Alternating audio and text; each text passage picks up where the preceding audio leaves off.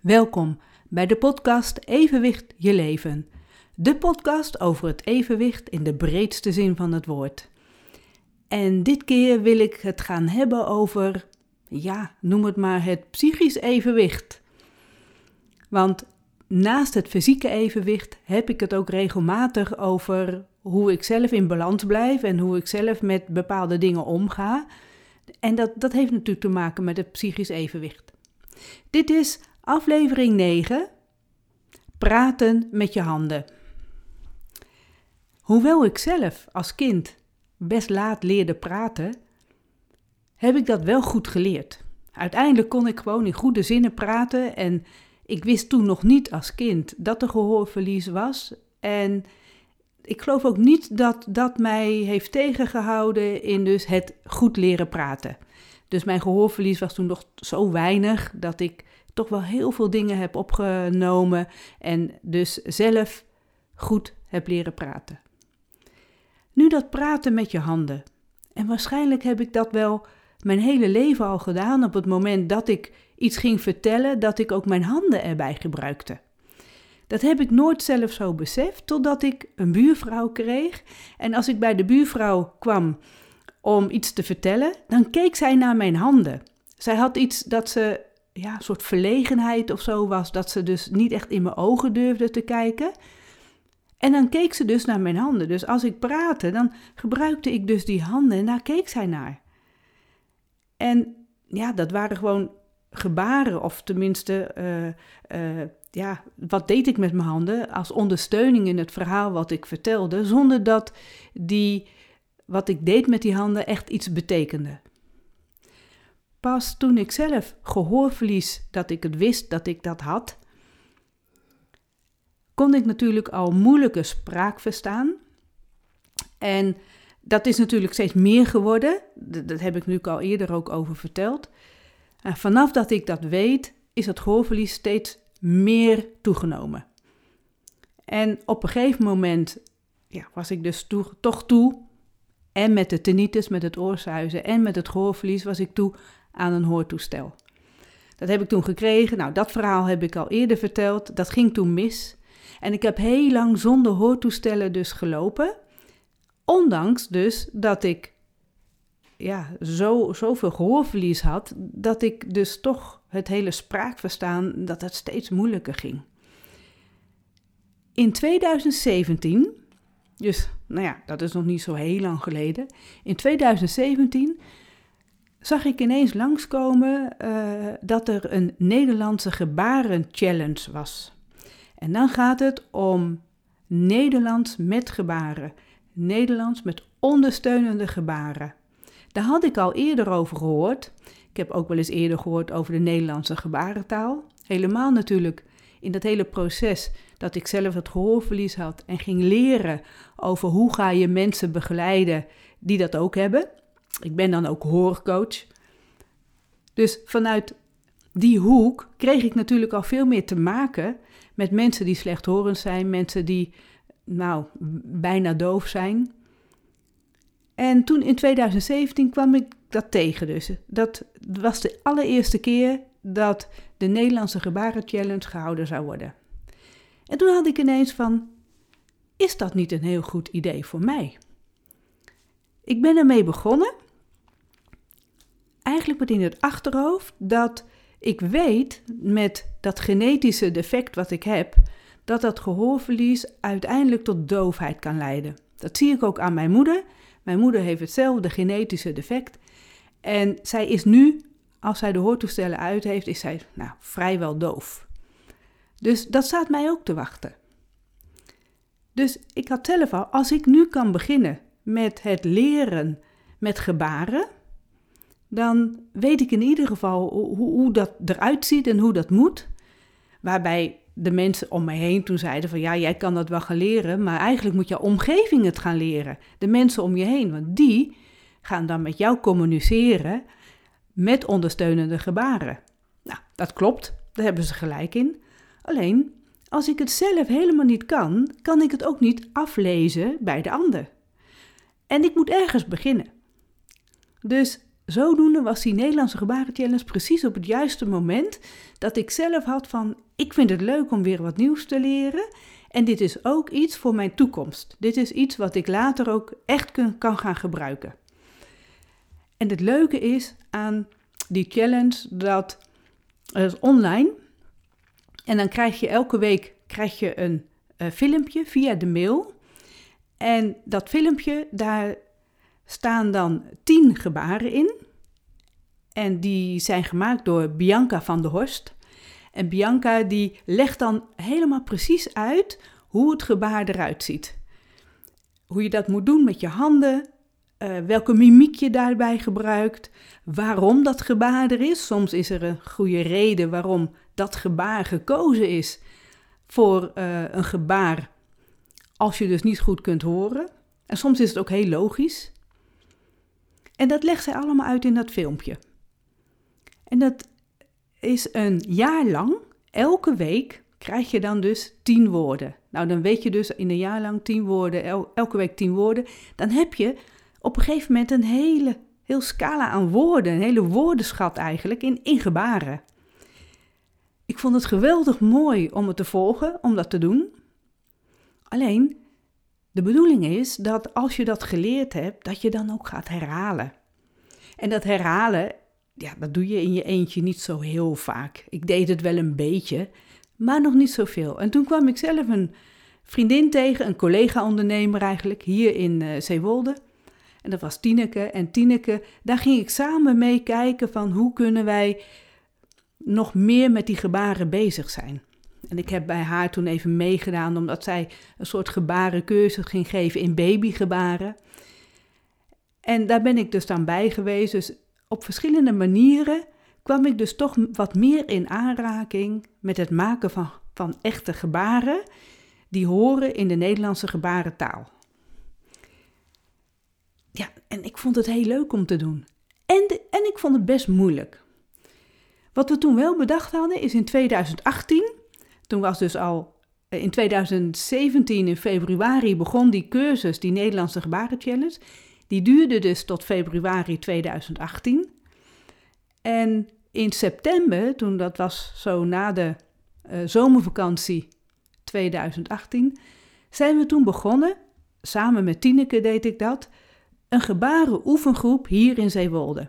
En elke donderdagochtend kwamen we dan bij elkaar met een groepje andere mensen die dat ook heel leuk vonden en die om verschillende redenen gebaren wilden leren. En toen zijn we daar dus mee gestart. Dan kwamen we hier in de Oude Biep in Zeewolde, zo'n koffiehuis, waar je ook lekkere taart kunt eten en waardoor ook van alles uh, te koop is aan uh, snuisterijtjes, een soort uh, kringloopwinkel is het. Maar dan is het als een soort grote huiskamer ingericht. Nou, dat is al heel leuk om daar te zijn. Dus in 2018 zijn we daarmee begonnen. Op een gegeven moment, Tineke die ging meer werken, juist op die donderdag. Dus die kon niet meer met die groep meedoen. En toen heb ik gezegd, ik ga door.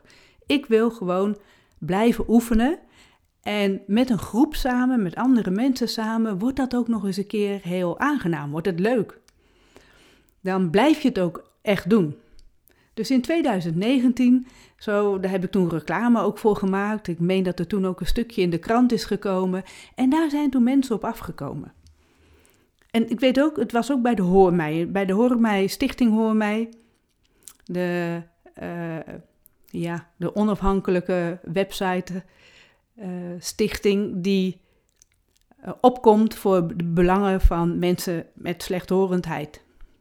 En tinnitus, hyperacusis, uh, allerlei andere aandoeningen van het oor, waaronder ook allerlei evenwichtsaandoeningen. Dat is daar bij Stichting Hoor mij, kun je heel veel informatie over vinden. En zij hebben toen daar dus reclame gemaakt voor mij, dat ik die oefengroep uh, mee verder ging. In Zeewolde, elke donderdagochtend. En dat doe ik dus nog steeds. Natuurlijk heeft corona weer roet in het eten gegooid, dat we een hele tijd niet bij elkaar zijn geweest. Maar al die momenten dat het wel kon, komen we bij elkaar elke donderdagochtend van half tien tot half elf. Uh, soms verandert de tijd een beetje van tien tot elf, maar in ieder geval één uur lang gaan we samen oefenen. En dat doen we dus naar aanleiding van een thema. Ik bedenk een thema of mensen geven het aan in de groep wat ze willen en we gaan samen oefenen. En ik begeleid het wel, want ik vind het heel leuk om het samen te begeleiden. En ja, dat is, het is zo leuk om te doen. Ik, ik sta nu zelf ook namelijk al gebaren te doen. Dat gaat al als een soort automatisme. Op het moment dat ik ook iemand tegenkom, iemand nieuw tegenkom, dan begin ik met gebaren te maken. En waarom, weet ik niet. Alleen het gebeurt al iets automatisch. Het is al iets wat zo in me zit, dat ik het ook leuk vind om te doen en wat mij zelf helpt om ook wat ik wil vertellen nog een keer daarbij ondersteun. En nu zijn er dan gebaren uit de Nederlandse gebarentaal die ik daarvoor gebruik. Vroeger was dat nog niet zo, ondanks dat ik wel met mijn handen praatte. Maar nu doe ik dat dan ook met gebaren die dus ook echt uh, bestaan. Die echt gebruikt worden ook door heel veel andere mensen.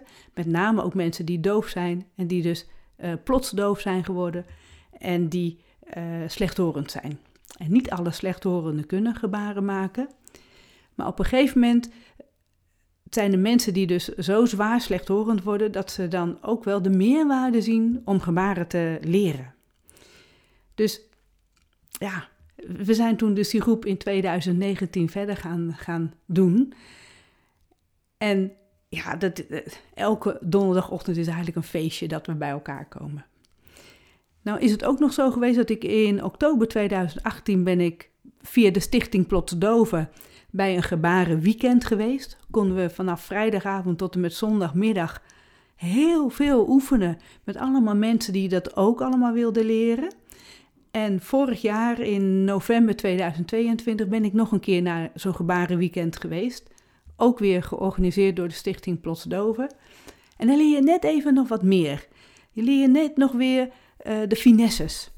En dat kan ik weer overdragen naar die groep mensen die elke donderdagochtend bij mij komen. En wat er voor nodig is om gebaren te leren, is toch wel een beetje lef. En oefenen, oefenen, oefenen. Hoe spannend het ook is in het begin om met gebaren dus te praten, op een gegeven moment als je dat dan toch wel blijft doen en, en elke keer herhaalt, herhaalt, herhaalt, dan, eh, ook al onthoud je maar één gebaar per week, ja, dan heb je toch al een heleboel gebaren aan het eind van het jaar. Dus die tien gebaren die in die gebaren-challenge steeds gedaan werd, was misschien best veel, maar dat hoeft dus helemaal niet. Je hoeft ze niet allemaal te onthouden. Als je daar maar iets van onthoudt en je bent het wel elke week aan het oefenen, dan kom je op een gegeven moment aan steeds meer gebaren die je echt uh, makkelijk afgaan. Die je dan, als ik zeg van, nou, goedemorgen, dat een ander ook meteen weet wat goedemorgen is. En dan, ik zeg het al zeggen, maar het is ook het doen dan. Goedemorgen is je duim omhoog en dan je hand omhoog. En alsof de zon opkomt. Dat is een gebaar, als je dat al doet bij heel veel mensen en je doet het elke ochtend even goedemorgen, dan is dat al een gebaar wat er zo in gaat zitten. Zo heb ik het zelf ook. Ik ben het al zo gewend dat als ik iemand nu s'morgens tegenkom, doe ik dus goedemorgen met het gebaar van goedemorgen. En dan zie je mensen wel kijken, alleen ja, ze vinden het ook heel gewoon als ik het doe. Hoe vaker ik het doe, hoe gewoner het wordt. En het leuke is, in onze gebaren oefengroep, we zeggen ook wel eens gebaren café, maar ja, we, we zijn er ochtends, dus dan drinken we koffie. Dus echt een café, nou kan ik het ook niet echt zeggen. Dus ik zeg eigenlijk altijd nog gebaren oefengroep. Wie daaraan meedoen, die mensen hebben allemaal een andere reden. De een doet het omdat hij het gewoon heel leuk vindt een andere taal te leren. En de ander vindt het gewoon leuk sowieso om weer iets nieuws te leren. Maar er zijn ook een paar die zijn zelf dus slechthorend. En die vinden het een hele mooie manier ook, net als wat ik heb, dat als je minder goed gaat horen, dat je op een gegeven moment toch iets met gebaren dus kunt blijven communiceren. Eh, de een doet het ook omdat ze een kleinkind hebben. En dan willen ze het kleinkind al van jongs af aan met gebaren uh, bezig zijn, zodat die kinderen al opgroeien met gebaren, dat het ook heel gewoon wordt. Uh, ik zit even te kijken. Er is een meisje bij waarvan haar schoonouders, die zijn doof. En zij wil toch ook met die mensen gaan communiceren. Dus zij heeft ook het lef gehad om mee te gaan doen, om toch zelf ook gebaren te gaan doen. Om gebaren te gaan leren. Ik zit nog meer te denken, wat hebben we dan nog meer? Mensen die zelf slechthorend zijn. Ik ben even iedereen zo in mijn hoofd aan het afgaan. Oh ja, en er is ook uh, uh, iemand die dat op haar werk heel goed kan gebruiken, omdat ze met oudere mensen werkt. En daar zitten wel eens mensen bij die ja, doof zijn of zwaar slechthorend. En dan kan zij dus ook met die mensen blijven praten met ondersteunende gebaren, zodat dat beter helpt in het spraakverstaan. Dat de ander dat beter gaat uh, begrijpen. Dus zo heeft iedereen een andere reden om mee te doen met die gebaren oefengroep. Dus je hoeft niet per se zelf slechthorend of doof te zijn. Het kan op allerlei manieren zijn waarom je dat wil gaan doen.